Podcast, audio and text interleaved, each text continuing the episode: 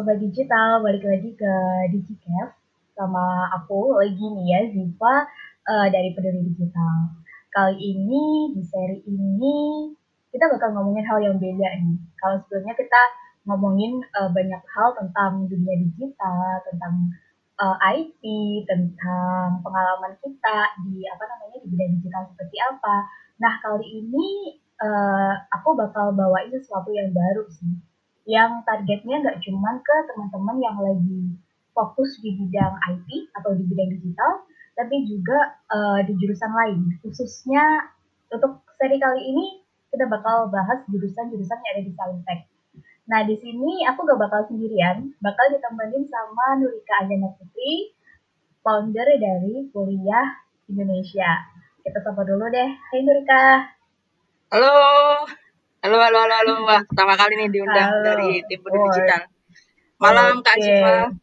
Halo, malam, Kak Rika. Gimana kabarnya, Kak? Alhamdulillah, sehat. Alhamdulillah, sehat. Oke. Boleh kenalan dulu dong sama Sobat Digital di sini?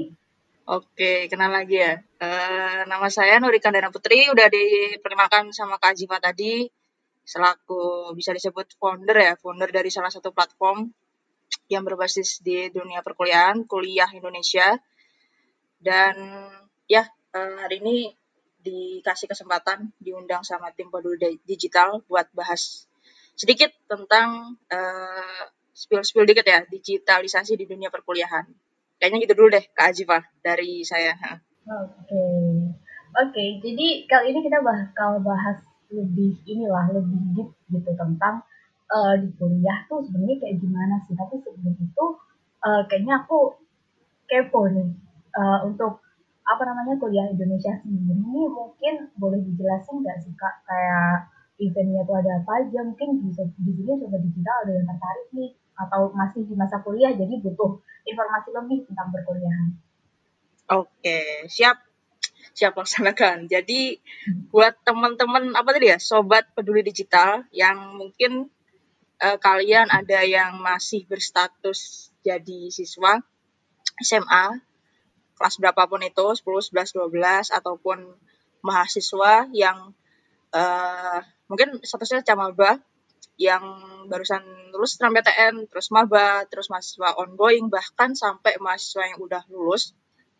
Jadi di sini uh, saya mau kenalin nih platform saya Kuliah Indonesia sasarannya emang yang saya sebutin tadi siswa mahasiswa uh, atau bahkan mahasiswa yang udah lulus di mana kita itu bergerak di bidang bisa dibilang pendidikan yang concernnya itu di uh, tahap atau step perkuliahan menuju uh, perkuliahan saat perkuliahan dan setelah kehidupan perkuliahan kayak gitu. Nah untuk event-event yang menunjang sendiri ya kayak webinar sih kayak webinar terus uh, kita juga lebih kan kalau webinar sifatnya umum ya. Terus kita juga uh, kasih output produk berupa penyediaan grup belajar dan tutor yang udah berjalan juga persiapan UTBK juga untuk tahun ini itu sedang berjalan. Jadi kita punya istilahnya output uh, buat uh, secara umum sama secara khusus atau spesifik yang kita lebih dekat sama kalian sebagai sasaran dari kuliah Indonesia sendiri. Itu salah satu salah dua program kita. Nah, yang lainnya mungkin ke depan bakal ada beberapa event seperti masih di apa ya istilahnya digodok nih. Uh, bisa kelas uh, uh, online class bisa kayak training dan lain sebagainya. Dan kemarin juga ada event uh, webinar ya masih webinar sih yang ada kolaborasi sama peduli digital. Dan mungkin next uh, tunggu aja kira-kira kabar baiknya ada next event apa lagi. Seperti itu sih kurang lebihnya Kak Azifah soal kuliah Indonesia. Oke, kayaknya seru nih. Hmm. hmm. Seru nih ngomongin kuliah karena kita sendiri juga pernah kuliah gitu kan dulu. Mantap, pasti. iya. Saya juga masih mahasiswa sekarang, jadi oh, iya. menggebu-gebu nih uh, iya. buat mengabdi lah ya istilahnya, bantu hmm. membantu uh, membantu teman-teman mahasiswa lah lewat kuliah Indonesia kayak gitu. Oke. Oh iya mungkin uh, buat teman-teman juga yang apa namanya kepo tentang informasi-informasi perkuliahan uh, sama kayak yang dibilang sama uh, Nurika tadi ya bahwa kita udah pernah collab nih di salah satu event di webinar yang kita ngangkat judulnya tentang uh, jurusan-jurusan apa aja sih yang bisa diprospek ke bidang digital. Nah itu buat teman-teman yang mungkin ketinggalan bisa langsung uh, kunjungin aja di YouTube-nya Peduli Digital. Di situ kita ada record webinarnya gitu. Siapa tahu teman-teman bisa dapat insight baru nih di situ setelah lihat uh, record webinarnya gitu. Oke, okay, betul okay. banget. Cocok sih buat kalian yang ini kan bulan-bulannya ini Kak Ziva uh, setelah pengumuman PTN. Terus hmm, tanggal iya Bentar, saya lupa. Eh, kemarin lusa itu pembukaan eh beberapa hari lalu tuh pembukaan SBMPTN sebelum PTN. Dan saya juga beberapa dapat beberapa info itu belum banyak yang belum daftar SBMPTN masih bingung jurusan oh, masih ragu kayak gitu loh. Padahal SBMPTN ini hmm. kira-kira apa ya uh, jalur pamungkas setelah nggak dapat di SNMPTN kayak gitu dan hmm, jangan sampai benar. salah lagi jangan sampai salah lagi. Kuncinya tuh di sini sebenarnya. Jadi banyak-banyak kita cari info-info lah. Salah satunya nonton webinar kita yang kemarin. Kalau yang punya passion di situ. Iya, gitu. iya benar-benar. Nah, di situ kan kita udah bahas gitu kan, uh, apa namanya bidang yang jurusannya relate sama bidang digital. Nah kali ini uh, kita pengen bahas sesuatu yang lebih general, lebih umum, uh, apa namanya lebih luas lah cakupan jurusannya. Jadi jurusan saintek. Tapi di jurusan ini uh, dari aku pribadi nih ya dari peduli digital sebagai orang yang berkecimpung di dunia digital tuh aku tuh kepo gitu. Sebenarnya di apa namanya jurusan-jurusan lain di luar IT, di luar bidang digital itu apakah mempelajari juga sih uh, istilahnya digitalisasi gitu di jurusan selain IT dan selain bidang digital tuh apakah ada gitu di jurusan lain? Kepo juga ya kak ya dengan jurusan-jurusan lain. Iya dong, siapa tahu dapat ini bisa ngasih informasi gitu ke sobat digital. Jadi biar tahu bahwa di jurusan lain tuh oh ternyata ada jadi apa ada digitalisasi ya atau justru malah nggak ada gitu loh. Kayak gimana sebenarnya? Oke kita kita kuak lah ya di sini. Kita spill spill iya betul. Siap. Jadi mulai dari mana nih kira-kira? Uh, kita mulai upasnya tadi kan udah dibahas ya soal saintek ya. Sebenarnya -huh. uh, saintek itu kalau misalkan di jalur apa namanya UTBK ya UTBK sendiri atau SBMPTN itu ada jalur saintek sama soshum. Nah, saintek sendiri itu sebenarnya uh, segala sesuatu yang mungkin jalur masuknya atau kebanyakan uh, ya jalur sharingan awalnya itu lewat uh, mat fis kim sama biologi kayak gitu. Nah untuk di uh, sesi ini mungkin lebih concernnya itu ke dunia teknik ya karena berhubung saya sendiri sebagai narasumber adalah masih mahasiswa dan kerja juga dalam lingkup teknik kimia ya jurusan teknik kimia dalam lingkup teknik saya lebih uh, apa ya istilahnya berkompeten di situ. Tapi nanti juga kita akan uh, kuak dikit-dikit jurusan-jurusan saintek yang di luar teknik. Jadi jangan khawatir nanti semuanya dapat spilannya kok dapat infonya. Iya betul. Oke. okay. Oke, mungkin bisa di ini mulai di spill dari sekarang gitu ya. Apakah sebenarnya di luar jurusan IT atau uh, di luar jurusan yang relate sama bidang digital tuh sebenarnya apakah ada proses bukan proses ya sebenarnya lebih ke apakah ada eh, hal-hal uh, yang berhubungan dengan digital ke situ? Oke, okay.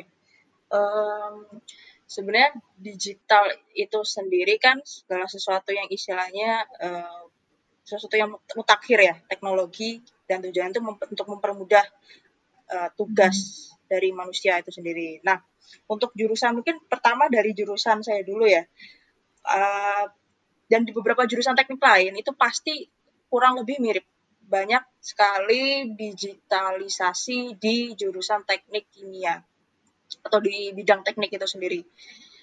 Uh, gimana sih uh, kayak kayak setiap setiap sisi itu misalkan kita mau ngitung suatu prediksi misalnya ya. Prediksi hitung-hitungan nih kita benar atau enggak itu pasti ada aplikasinya sendiri. Nah itu di, ada ada unsur digital di situ. Terus kayak pemrograman. Pem, pemrograman di sini itu enggak hanya apa ya kalau misalkan orang nyebut digital atau pemrograman C dan lain sebagainya oh itu cuma ada di ini nih di jurusan IT atau enggak teknik komputer. Hmm. terus aku pengen belajar ini terus langsung oh ya udah langsung masuk IT aja ini tanpa ta, tanpa tanpa kita tahu sebenarnya jurusan teknik kimia pun yang mungkin kebanyakan orang ya uh, awamnya itu teknik kimia belajar kimia di lab terus kayak terkungkung kuno kayak gitu gak sih? Terus terlepas dari hmm. teknologi enggak sama sekali itu salah. Di sini kita juga belajar pemrograman. Istilah kita kita kalau misalkan di jurusan tem kimia pemrograman kita itu ditujukan buat uh, nyusun uh, program simulasi sih. Dalam simulasi di mana kita bakal ngesimulasi program proses. Kalau teknik kimia kan bekerjanya itu atau bergeraknya di bidang proses ya. Jadi dengan bantuan pemrograman sederhana ini kita bakal ngesimulasi nih kira-kira rancangan kita secara hitungan terus desain. Mungkin ya anak-anak teknik kimia bakal familiar sama ini sih. Bakal berjalan dengan semestinya nggak ya? Kayak gitu. Terus mungkin di jurusan lain pun kurang lebih sama kurang lebih sama. Misalkan jurusan teknik elektro teknik uh, elektro tuh gabung sama listrik ya. Terus mesin dan lain sebagainya saya sering diskusi sama mereka juga dapat di bidang digital si uh, pemrograman kayak gitu. Terus digital di uh, bagian sisi kayak gambar teknik kayak gitu tuh udah masuk ke digital sih sebenarnya. Gambar teknik itu kan hmm, yang kalian tahu gambar teknik kayak arsitek gitu nggak sih? Eh, gambar-gambar manual pakai kayak apa ya? Pakai kertas uh, dan pensil hmm, kayak gitu kan arsitek. Hmm. kalau di kita kita udah bukan udah nggak kenal sih. Justru saya malah pertama kali masuk uh, terjebur ke teknik kimia nggak pernah sekalipun gambar manual. Kita langsung pakai aplikasi dan itu aplikasi nggak sekedar buat gambar secara apa istilahnya ya uh, digital gitu loh. Tapi udah ada misalkan kita salah naruh nih salah naruh salah naruh hmm, instrumen atau istilahnya salah naruh pipa ukurannya kayak gitu pasti bakal ada istilahnya kalau digital itu apa ya hmm, bakal ada warning, bakal ada warning. Oh ternyata bukan ini, bukan ini. Jadi kayak masih ada otaknya kayak gitu lah, ada otak di mesinnya, di aplikasinya kayak gitu. Itu udah juga berbau uh, digital. Kita nggak cuma sekedar gambar di situ. Terus tadi ada program simulasi. Sebenarnya simulasi itu sendiri banyak jenisnya sih. Kalau di teknik kimia sendiri bahkan sekecil kita memprediksi bahaya apa istilahnya tsunami. Bukan tsunami tapi kayak bukan memprediksi tsunami-nya ya bukan memprediksi tsunami-nya kapan datang bukan. Tapi kayak kita memprediksi kira-kira kita masih selamat gak ya? Kalau misalkan ada ketinggian sekian sekian sekian tangki kita itu masih selamat atau enggak terus ada angin muson ternyata ada angin muson. Kira-kira uh, menara kita nih menara kalau misalkan di pabrik teknik kimia itu kan ada menara gitu kita kena angin apakah dia masih kuat tahan misalkan kayak gitu terus misalkan ada kebocoran gas nih teknik kimia ada kebocoran gas Nah, kita memprediksi kira-kira itu gas larinya ke mana, terus hmm, kira-kira uh, ke mana, terus uh, radius berapa, dan lain sebagainya. Itu kita punya aplikasinya sendiri. Dan apa ya, uh, bisa memprediksi ya nggak seakurat ya namanya juga aplikasi lah ya tapi di situlah uh, digital di teknik kimia itu bekerja. Jadi setiap aspek itu pasti ada sampai hal sekecil kita memprediksi bahaya bahaya alam kayak gitu. Itu bisa. Kayak gitu sih kalau di jurusan teknik kimia. Jurusan teknik lain kurang lebih kurang lebih sama. Saya survei kemarin sama teman-teman saya jurusan teknik kimia, jurusan teknik mesin, teknik industri yang lagi hype banget kan teknik industri ya, teknik industri yang hampir sama kayak teknik kimia. Terus teknik elektro kayak gitu sih kak. Jadi banyak banget kalau misalkan didetailin satu-satu. Dan itu semua nggak kita pungkiri bagian bagian-bagian terkecil dari dunia IT nggak sih? Dan masuk ke setiap jurusan teknik. Kayak gitu sih kalau dari iya. aku sih pengalamanku kayak gitu digital di beberapa jurusan perkuliahan teknik.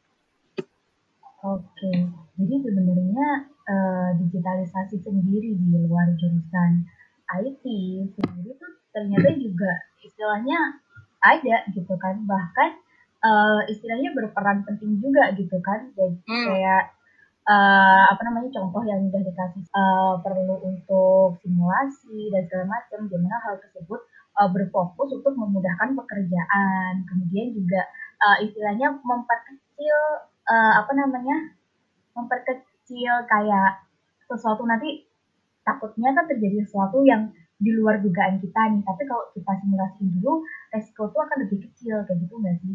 Betul banget betul banget jadi kayak kita tuh dibantu program otomatis kayak gitu loh. Kalau hitungan manusia tuh masih kayak kurang yakin gak sih? Kalau bukan apa belum ada validasi istilahnya ya validasi. Itu kita pakai sistem digital untuk memvalidasi hitungan kita tuh di situ pentingnya. Benar banget. Buat mengurangi efeknya. Gak 100% bakal uh, akurat hasilnya. Tapi seenggaknya bisa mengurangi kalau terjadi hal yang gak ingin gak diinginkan. yang kita inginkan bisa tercover lah istilahnya. Oke. Okay. Betul banget. Oke. Okay. Kalau ini tadi kan udah di ini, udah di skill di jurusan teknik. Tapi kalau teknik sendiri kan kita tahu hmm. gak cuma di teknik kan, ada juga di bidang lain seperti hmm. salah satunya kesehatan. Kalau dari bidang kesehatan sendiri, apakah uh, ada sih digitalisasi ini setahu nah, Kak Nurika gimana? Hmm, Oke, okay. pertama kan kalau kita bahas uh, satu kata nih kesehatan, kayaknya kesehatan itu selalu berhubungan sama dokter, terus alat-alat manual gitu kan buat meriksa.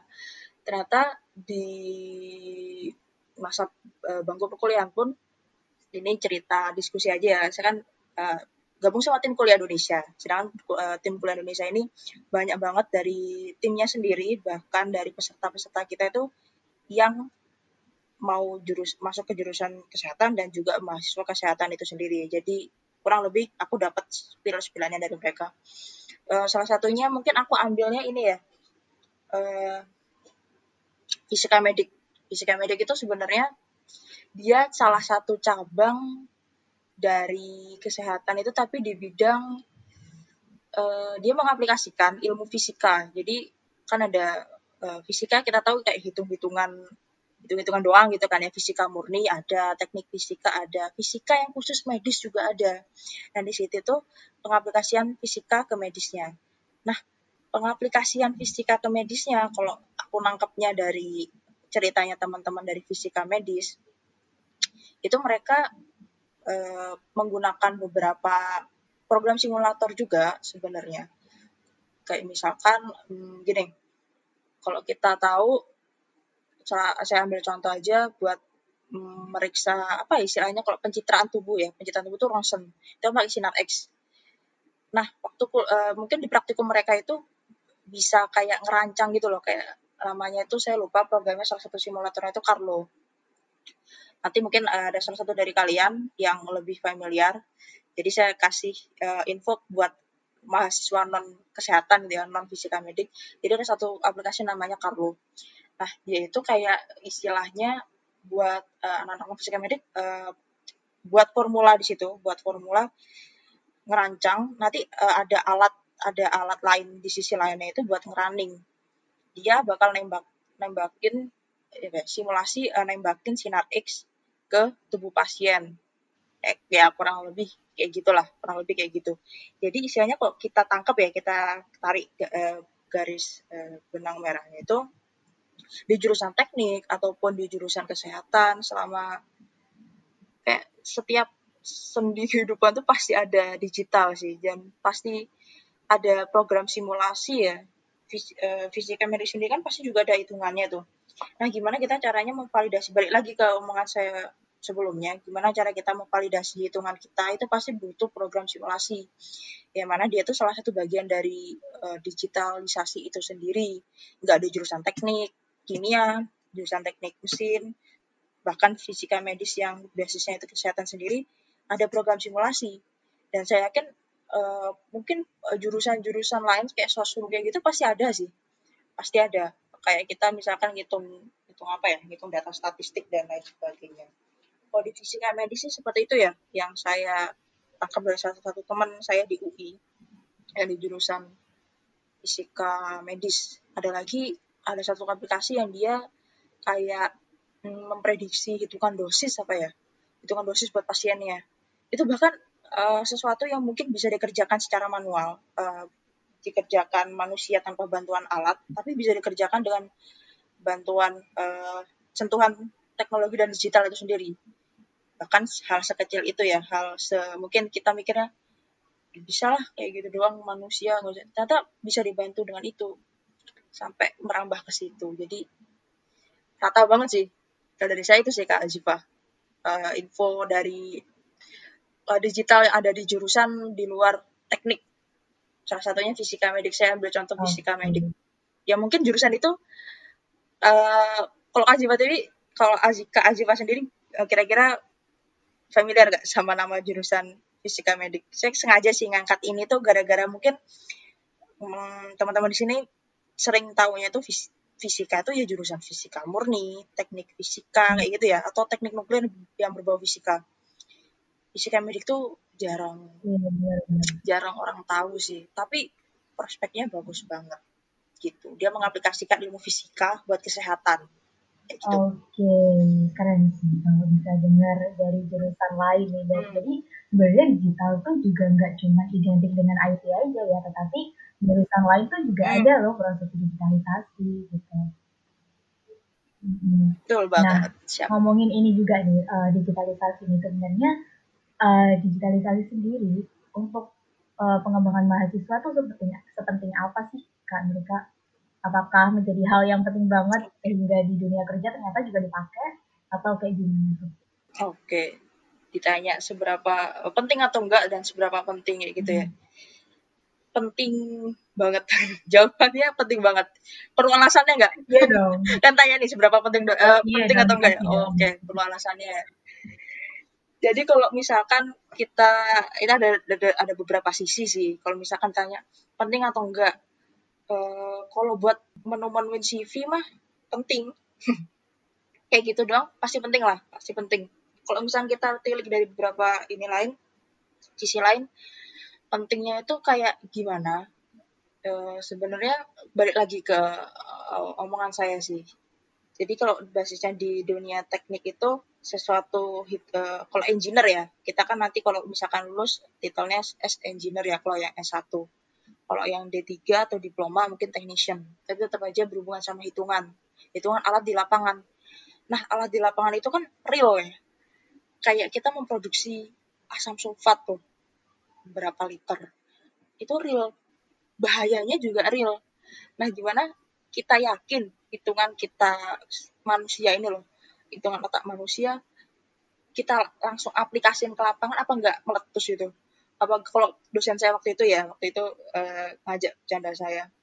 Waktu itu kita lagi bahas desain tangki. Desain tangki itu buat nampung misalkan bahan asam sulfat tuh yang bahaya banget kan asam banget ya asam kuat. Uh, terus ditanya hitungan gini gini gini gini. Nah kata dosen saya hitungan kamu secara secara kasat mata sih benar. Tapi saya nggak jamin kalau misalkan alat kamu ditaruh di langsung diaplikasiin ke lapangan bakal berdiri. Karena saya nggak yakin itu pasti bakal uh, meledak sih. Karena apa? Karena uh, kebanyakan skripsian kita itu uh, kita fokusnya ke hitungan doang, ke prosesnya, nggak bukan ke digitalnya. Kalau kita terjun ke digitalnya, itu bakal makan waktu yang mungkin lebih lama, tapi valid. Nah, di sini poinnya itu validasi. Saya kasih contoh panjang lebar tadi supaya kasih gambaran aja sih. Sebenarnya digital itu penting banget buat validasi uh, pikiran manusia, buat diaplikasiin itu uh, akurat apa enggak, kayak gitu. Nah, selain itu nambah kompetensi juga buat kalian yang mungkin yang mau lulus. Seberapa penting penting banget. Jadi kalian hmm, gimana ya uh, perusahaan atau pabrik itu bakal ngelihat uh, portofolio kita kan portofolio atau CV kita. Oh ternyata orang ini udah bisa uh, pernah atau eh, minimal pernah minimal pernah ngoperasiin misalnya tadi aplikasi buat Eh, namanya Aloha. Aloha ini uh, aplikasi buat mengukur misalkan kalau gas bocor dia bahayanya seberapa, dia nyebarnya radius berapa meter, bahaya nggak buat masyarakat di sekitar kayak gitu kan. Oh, bagus nih dia dia ada pengetahuan ini nih. Kira butuh butuh orang-orang yang ngerti kayak gitu loh, gak cuman hitung, gak cuman pinter hitungan secara di atas kertas. Uh, um, kalau boleh jujur perusahaan bakal lebih ngelirik mahasiswa-mahasiswa yang mau lulus itu yang punya kompetensi di bidang apa ya ya teknologi ataupun uh, digital kayak gitu. Nggak cuman pinter hitungan teori doang karena kita tuh kerjanya di pabrik. Yang pabrik itu beneran kalau meledak kan udah beneran. Jadi nggak bisa asal ini uh, terus itu sih kayaknya uh, kalau menurut saya penting banget. Penting banget penting oh. banget. Jadi dari segi uh, mungkin CV portofolionya portofolionya dan segi kepentingan sendiri buat validasi ini kita pemikiran kita. Kayak gitu sih Kak Oke, okay, berarti selain menjadi hal penting, pastinya ini juga berpengaruh nih uh, ke kemampuan mahasiswa dalam belajar dan juga dalam uh, nantinya menerapkan ilmu-ilmu yang udah dipelajari di bangku kuliah gitu ya. Betul, betul, betul, hmm. betul banget. Oke, okay, tapi seperti yang tadi apa namanya sudah kita bahas ya bahwa uh, digitalisasi ini sebenarnya tujuannya untuk memudahkan dan juga untuk menekan risiko gitu kan. Tapi uh, bisa kita bilang resiko yang kita istilahnya resiko yang kita kendaliin tuh nggak 100% valid gitu kan nggak 100% oh resiko ini nggak bakal terjadi ya kayak gitu kan ya bisa kita bilang kayak yeah, say 80 atau ya 80 persenan lah mungkin bisa itu di apa namanya resikonya itu di lebih direndahkan gitu ya. Nah, tapi kan ada tuh ya, bisa. Uh, 20% kemungkinan bahwa simulasi itu uh, bisa jadi ternyata tidak begitu akurat gitu kan. Nah, mungkin mungkin di sisi lain ada uh, sebelum ke digital ya, ada cara-cara konvensional gitu kan. Cara-cara mungkin kalau mereka sendiri dia yeah, bikinnya itu uh, ada beberapa perhitungan nih yang dibutuhin dengan cara konvensional yang seperti ini. Mm. Nah, kemudian dicocokkan dengan uh, salah satu aplikasi digital atau aplikasi pembantu ya yang berbasis digital bahwa oh ternyata perhitungannya seperti ini loh. Nah kayak gitu. Tapi uh, kalau menurut Kak Rundrika sendiri nih, sebenarnya mana nih yang lebih penting antara perhitungan secara digital atau memanfaatkan sistem digital uh, dengan cara konvensional tadi? Itu lebih penting mana? Dan lebih akurat mana gitu? Lebih penting mana? Jawabannya saling melengkapi. kalau saya sendiri ya, saya sendiri sebagai mahasiswa dan udah tahu gimana pengaplikasiannya di lapangan, saya bilang keduanya saling melengkapi. Betul kata Kak Ziva tadi, saya highlight yang mungkin dengan digitalisasi 80% uh, mengurangi resiko ya. Jadi 80% bisa valid lah, bisa akurat. Tapi 20% kita nggak jamin bakal bakal ke cover kayak gitu loh. Pasti pasti masih ada kemungkinan buat hmm, ada miss lah di situ. Nah di sini miss itu gimana caranya? Kalau misalkan kita ya sebagai engineer, engineer apa pun deh, engineer apa pun pasti kalau misalkan di lapangan ada trouble nih, pada aplikasi kita udah jalan nih, apa ya kira-kira yang salah? Nah, buat benerin ini itu uh, kebanyakan sistem uh, kita yang otomatis nggak bakal langsung gerak. Mereka kan dibuat juga dengan otak manusia tuh. Nah, di sinilah kita otak kita berpikir kalau misalkan dari awal kita cuma bisa ngisi data kayak misalkan uh, ada satu aplik uh, ya beberapa aplikasi itu tinggal masukin angka kan oh ini segini ini segini terus langsung jalan tanpa kita tahu ada dasar kenapa sih harus angka segitu yang dimasukin? Kenapa enggak angka 10 kenapa harus 5 kayak gitu. Kenapa harus ini? Kok enggak itu. Kenapa harus kayak gini? Enggak kayak gitu. Itu butuh apa sih? Butuh pemikiran butuh dasar yang kuat enggak asal cuman kita apa ya jalanin digitalnya gitu. Butuh butuh perhitungan secara konvensional. Pentingnya ya di pentingnya ya di kalau misalkan ada trouble misalnya kita ada trouble ya gini engineer yang turun. Kalau pengalaman saya di uh, tempat saya bekerja kalau misalnya ada trouble yang mikir adalah engineer-engineer senior ini. Mikirnya itu ya uh, secara pengalaman mereka. Uh, pengalaman ketika kuliah pengalaman ketika bekerja beberapa tahun. Jadi misalkan oh ternyata ada uh, kebocoran kayak gini dihitungan tadi oh gasnya itu kayak gini kayak gini kayak gini. Kita eksekusi buat uh, tindakan selanjutnya itu butuh butuh apa ya butuh uh, pemikiran secara konvensional. Karena aplikasi udah jalan tapi kalau kita nggak bisa nggak bisa menyesuaikan ya nggak bisa menyesuaikan bakal sama aja bohong kayak gitu loh. Terus uh, untuk uh, apa istilahnya ngecover ya istilahnya ngecover trouble yang terjadi eh, engineer ini bakal uh, mikir nih oh kira-kira mau diapain ya? Itu bukan bukan mesin nih yang yang bakal mikir. Tapi kita dengan dasar yang kita punya. Jadi um, balik lagi nggak ada yang lebih penting. Tapi itu saling melengkapi. Ketika mesin udah nggak bisa nge-cover otak lah otak kita lah yang bakal kepake. Itu di dunia kerja. Kalau misalkan di dunia kuliah kalau kita kalau misalkan saya boleh ambil contoh ya tadi yang aplikasi buat uh, memprediksi kira-kira kalau misalkan gas asam sulfatnya bocor nih ketinggian segini, anginnya kecepatannya segini, kira-kira uh, anak-anak SD yang sekitar radius satu kilometer di sebelah selatan keracunan nggak ya?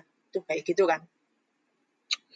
Uh, kita bisa masukin angka tuh, tinggal masukin angka di aplikasi. Saya kasih contoh tadi kan dunia kerja, sekarang dunia perkuliahan yang kita nggak tahu uh, di lapangan kayak gimana. Masukin lah 25 gini gini gini gini.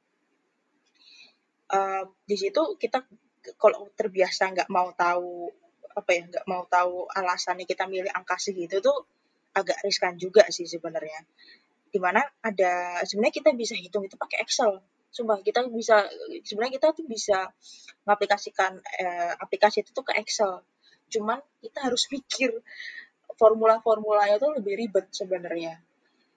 Jadi eh, kalau buat saya sih semasa perkuliahan kita harus nanti dua-duanya sih eh, saya tetap pada prinsip uh, dua-duanya kita harus ngerti uh, dasarnya kenapa dasarnya harus kuat terus gak cuma asal asal apa ya asal mainin aplikasi terus jadi kita nggak mau tahu itu dari mana kita bakal kelabakan nanti di dunia kerja kayak gitu kalau misalnya hmm. ada trouble iya. kayak gitu sih benar-benar kata kak hmm. penting jadi gak ada lebih penting tapi sama-sama pentingnya gitu ya sama-sama oke. Okay sebenarnya juga uh, apa namanya mengenai masalah ini ya cara digital atau cara konvensional sendiri sebenarnya di uh, kalau bisa aku coba uh, beri contoh lain sih uh, bisa juga di uh, sisi robotik gitu. misalnya salah satu contohnya di robotik ini. Kita kan pasti di robotik ada ada tuh uh, aplikasi simulasi seperti itu atau software simulasi bahwa contoh kita ambil contoh aja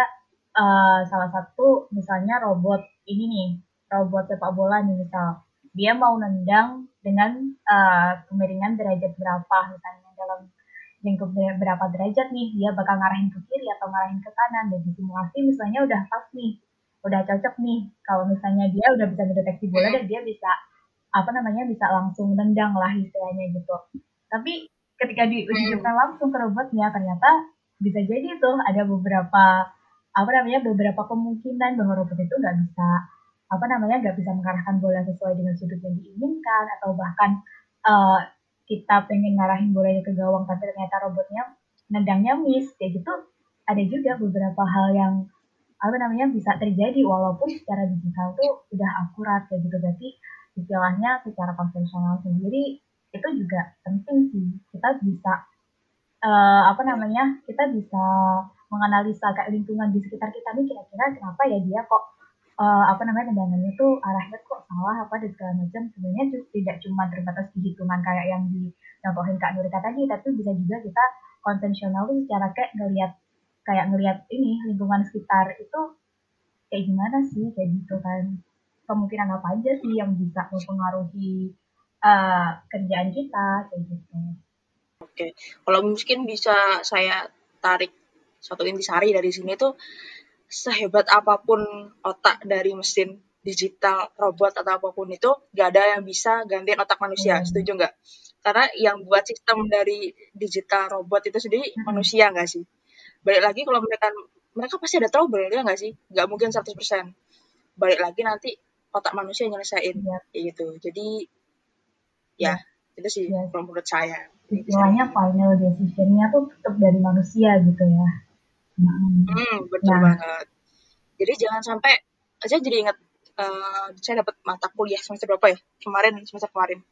Jadi jangan sampai dosen saya bilang jangan sampai takut kalau misalkan ada ada canangan wacana uh, manusia bakal tergantikan suatu saat 100% sama robot itu kayak uh, ada yang sesuatu yang ngebedain kita pertama hati kedua sama itu otak nah itu otak saya apa pun sistem lebih hebat sama otak manusia kok. Iya, betul, gitu betul, sih. betul banget. Apalagi kalau misalnya uh, kita istilahnya orang yang mau belajar dan belajar terus, tapi otak kita istilahnya kualitasnya hmm. lebih lebih bagus lagi gitu.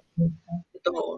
Jangan takut sama uh, kita fokus takut nih wah bakal keganti kayak gini gini gini gini lapangan pekerjaan juga ngapain sih kok belajar justru dengan uh, kita kita motiv aku motivasi kok aku kayak gitu sih buat aku sendiri bakal termotivasi sih. Ya udah belajar belajar belajar. Terutama digital ya ke depan itu kayak gini banget gak sih? Uh, kayaknya terbutuhkan banget buat nyokong. Kayak itu gak sih kak Ajifah uh, peluang digital ke masa depan yeah. itu cerah banget kayaknya. Yeah, dan kita harus menguasai itu.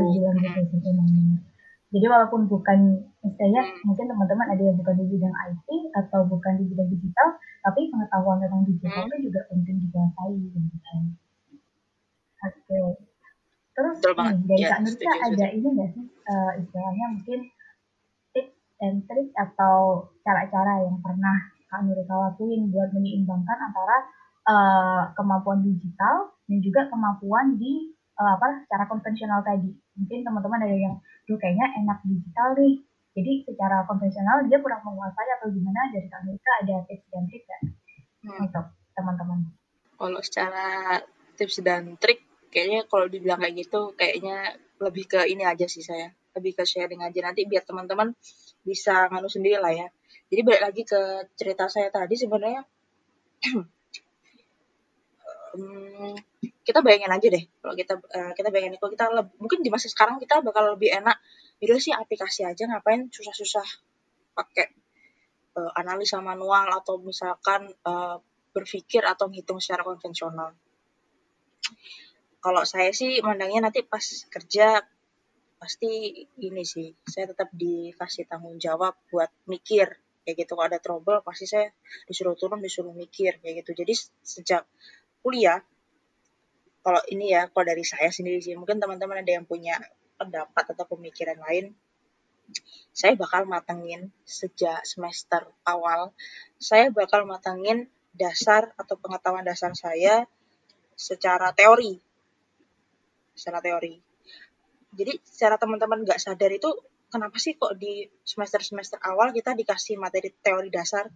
Pasti bertanya-tanya gitu. Terus eh, kebanyakan dari teman-teman teknik ataupun eh, eh, non teknik yang lain tapi masih dalam lingkup saintek kenapa materi-materi aplikasi kayak eh, berhubungan sama komputasi ataupun digital itu ditaruh di semester sekitar semester tiga ya? Semester tiga semester dua udah ada sih cuman lebih ke setelah semester awal kayak gitu.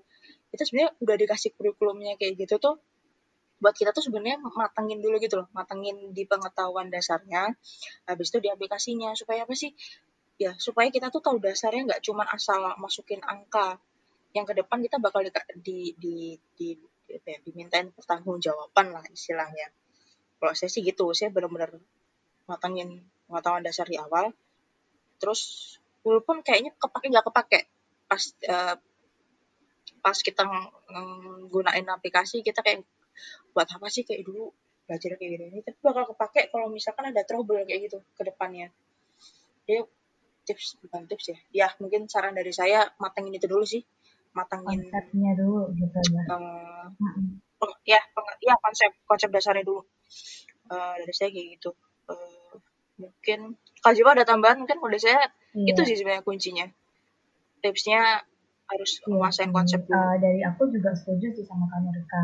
Uh, digitalisasi mau membantu, hmm. tapi secara apa ya konsep teori itu juga perlu banget sih dikuasain karena nanti ini next misalnya kita ketemu trouble nih kayak di contoh kamu Rika tadi kita tahu nih uh, apa namanya penyebabnya tuh apa sih. Nah kalau misalnya kita cuma tahu digital aja tapi tanpa tahu uh, cara ini ya uh, istilahnya teorinya ya gimana cara kita menganalisanya gitu karena nanti sebagai engineer kan kita nggak cuma sebagai pengaplikasi atau sebagai operator aja tapi juga sebagai penganalisa kayak gitu sih dari aku betul banget apalagi kalau misalkan kita kita ya Kak Jepang juga dari teknik ya sebagai engineer uh, dia dituntut bisa hitungan dan pengoperasian. Mungkin kalau misalnya operator mungkin masih mayoritas yeah. pengoperasian ininya lah ya. Tapi kalau engineer, namanya juga engineer dia me, me, apa ya, mencakup semua kayak gitu loh. Kita nggak bisa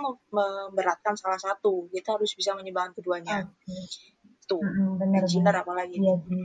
Ya buat sobat digital atau teman-teman yang dengerin podcast kita, mungkin ngerasa kayak, aduh kayaknya teorinya tuh berat deh, atau kayak gimana, tenang aja sih. Istilahnya bisa kok belajar pelan-pelan aja, buat mengerti konsep dasarnya seperti apa dan segala macam nggak perlu terlalu kayak dipikirin banget aduh kayaknya aku pusing deh kalau segala macam. Uh, bisa coba dulu pelan-pelan. Nanti pasti akan terbiasa dengan sendirinya. Gitu. Okay. betul. Betul banget hmm. jangan terus next nih.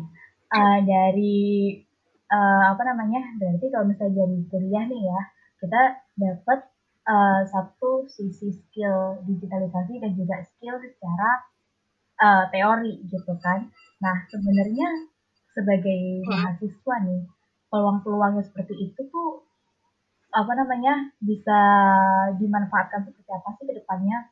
Misalnya tuh kayak dalam ini nih digitalisasi nih kira-kira dari mahasiswa sendiri tuh bisa mengambil peluang apa aja sih untuk persiapan persiapan kerja atau persiapan istilahnya entah nanti ada sertifikasi atau yang lain mungkin bisa jadi kayak gitu hmm.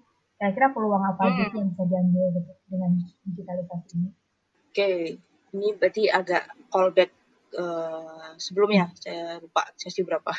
Ada pertanyaan uh, saya pernah bilang kalau misalkan bisa banget dibuat portofolio atau CV nah sebenarnya gini kalau saya sendiri ya ngerasain pas uh, seleksi untuk bekerja kayak gitu sangat terbantu dengan adanya kompetensi atau sertifikasi di beberapa uh, pengoperasian aplikasi digital gitu.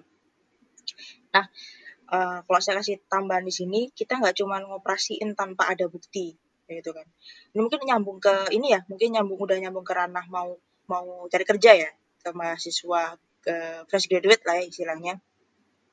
Uh, kalau kita cuma bilang kita bisa ngopasin ini ini ini tanpa ada tanpa ada bukti kayak gitu, bagus kita kita pernah dan bisa mengkompresikan tuh bagus. Cuman alangkah lebih baiknya uh, sembari saya selalu kasih tips sama dedek kelas saya yang tanya sembari kamu kuliah, sembari kamu uh, skripsi misal please please please uh, cari uh, sertifikasi uh, kalau bisa yang dari lembaga resmi buat menunjang kompetensi kamu. Percuma kamu dapat mata kuliah misalkan mengoperasikan mungkin yang agak familiar AutoCAD. AutoCAD itu semacam SolidWorks atau mungkin Kak Zifah tahu buat gambar teknik kayak gitu ya gambar teknik.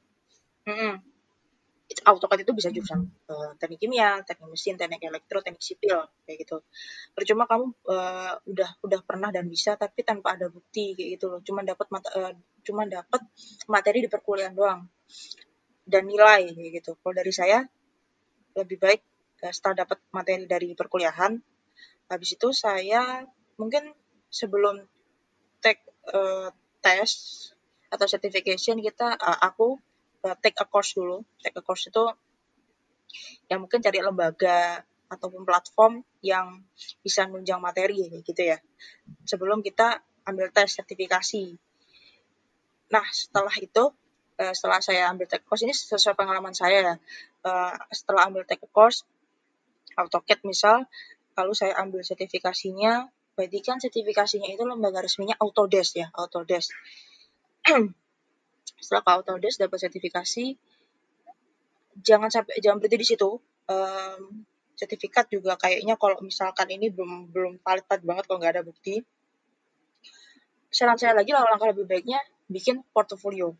Portofolio itu misalkan kita kayak uh, solve uh, solve a case kayak gitu. Solve a case misalkan buat plan. Misalkan buat plan kalau teknik mungkin kalau teknik kalau teknik mesin lebih ke piping ya buat pipa kayak gitu. Teknik kimia itu lebih buat plan tiga dimensi.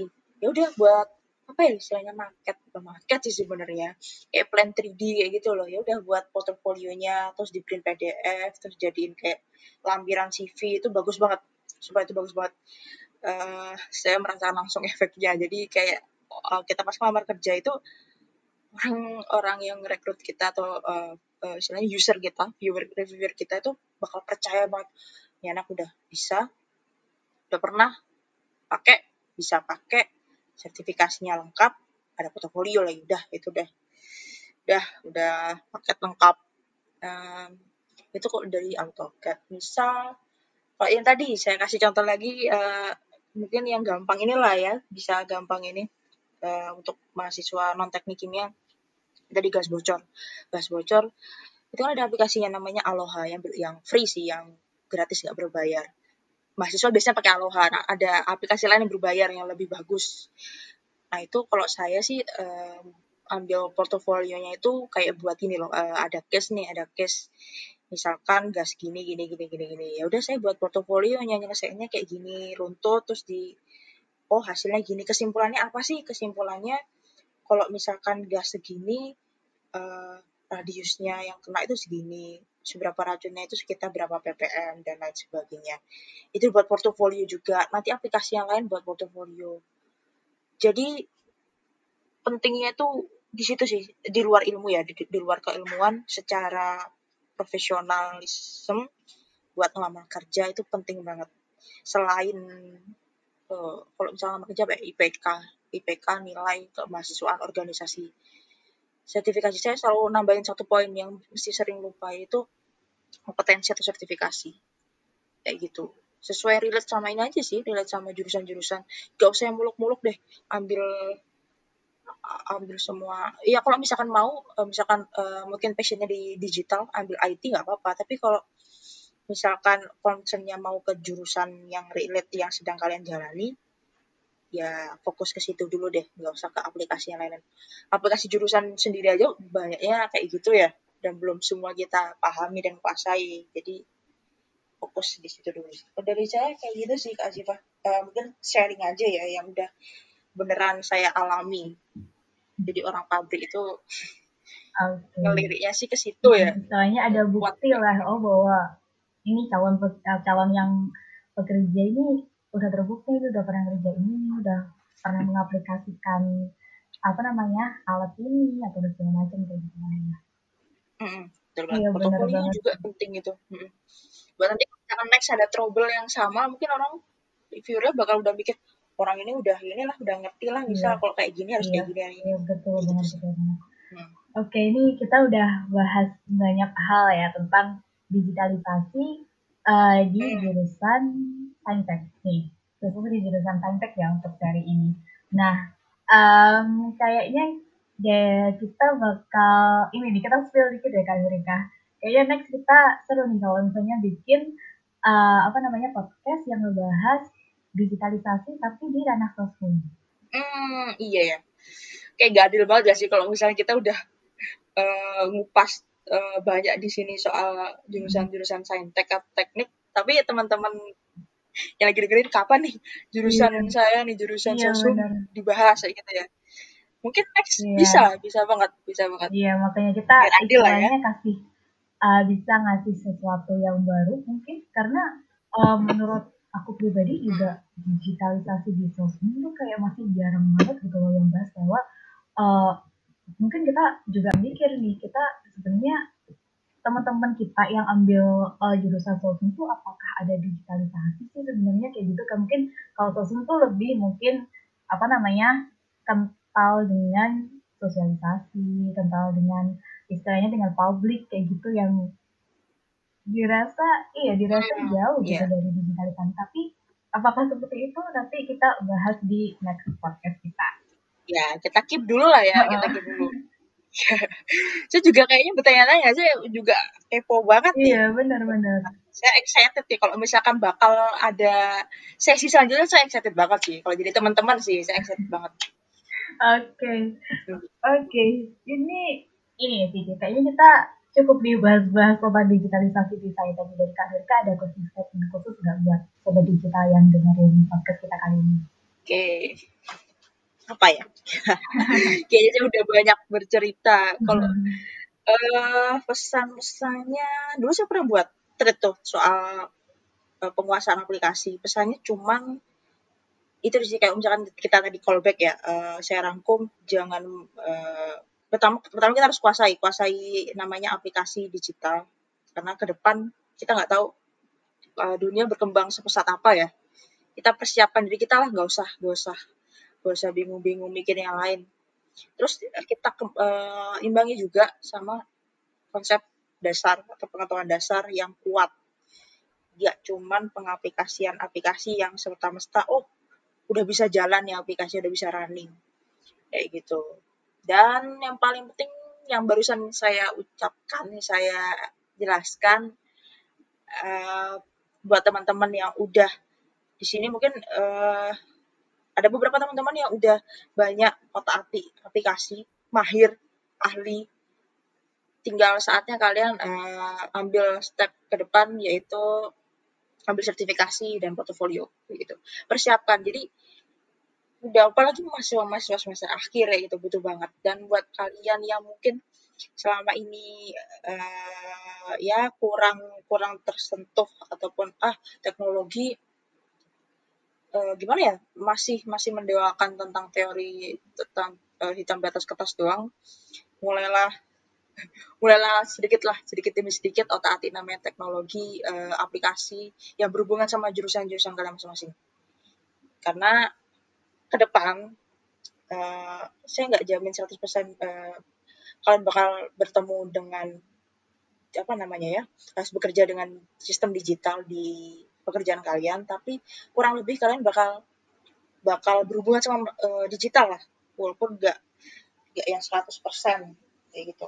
Mungkin itu aja sih pesan dari saya ke Azifah. Semoga teman-teman bisa nyarap dengan baik ya. Cuap-cuap saya nggak jelas ini. Jelas dan mulai menerapkan. banyak ilmunya nih kita oh, iya. ngobrol. yang penting, yang penting menerapkan sih. Teman-teman habis dengerin oh ya udahlah nanti nanti bisa. Nggak lakuin sekarang. Pokoknya habis habis dengerin ini besok langsung langsung langsung ambil jurusan ini oh oke okay. jurusan ini pasti ada di digitalisasinya Nah, itu hmm. siap untuk belajar gitu kan. Betul banget. Hmm. Jangan ada kalau semangat yang mau tes UTBK ya terutama. Saya oh iya. Kalau ini boleh gak ini saya ngasih pesan-pesan sama adik-adik eh. Boleh, boleh. Yang boleh. mau tes UTBK ada dua gelombang ya, sebulan lagi ya. Buat kalian yang belajar SKS, sistem kebut sebulan, uh, gak apa-apa, gak apa-apa. Daripada tidak sama sekali, Betul. lebih baik belajar konsisten ya, konsisten.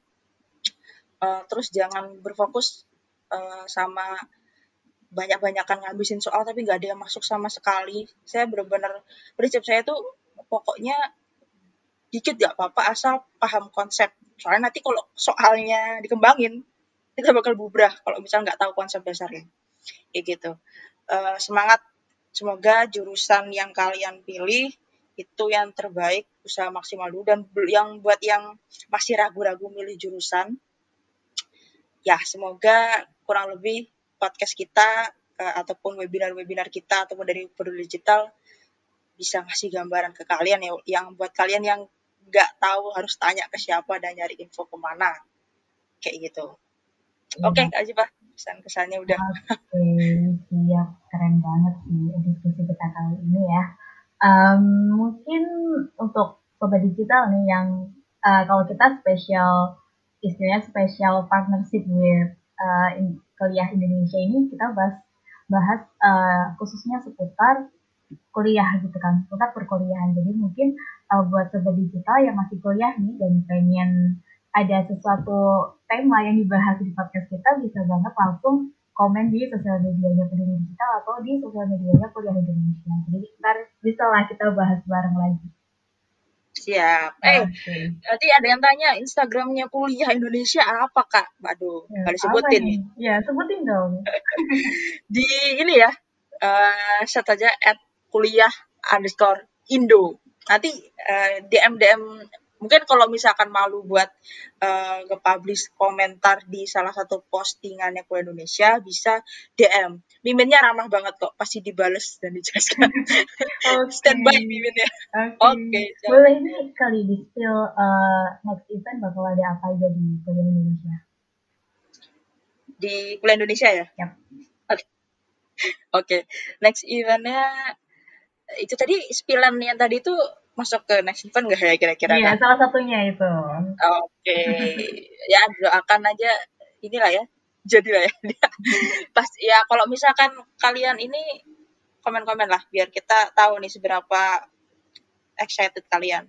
Dan next event lainnya sepertinya kayak hmm, mungkin bisa ada webinar ataupun uh, online class ya.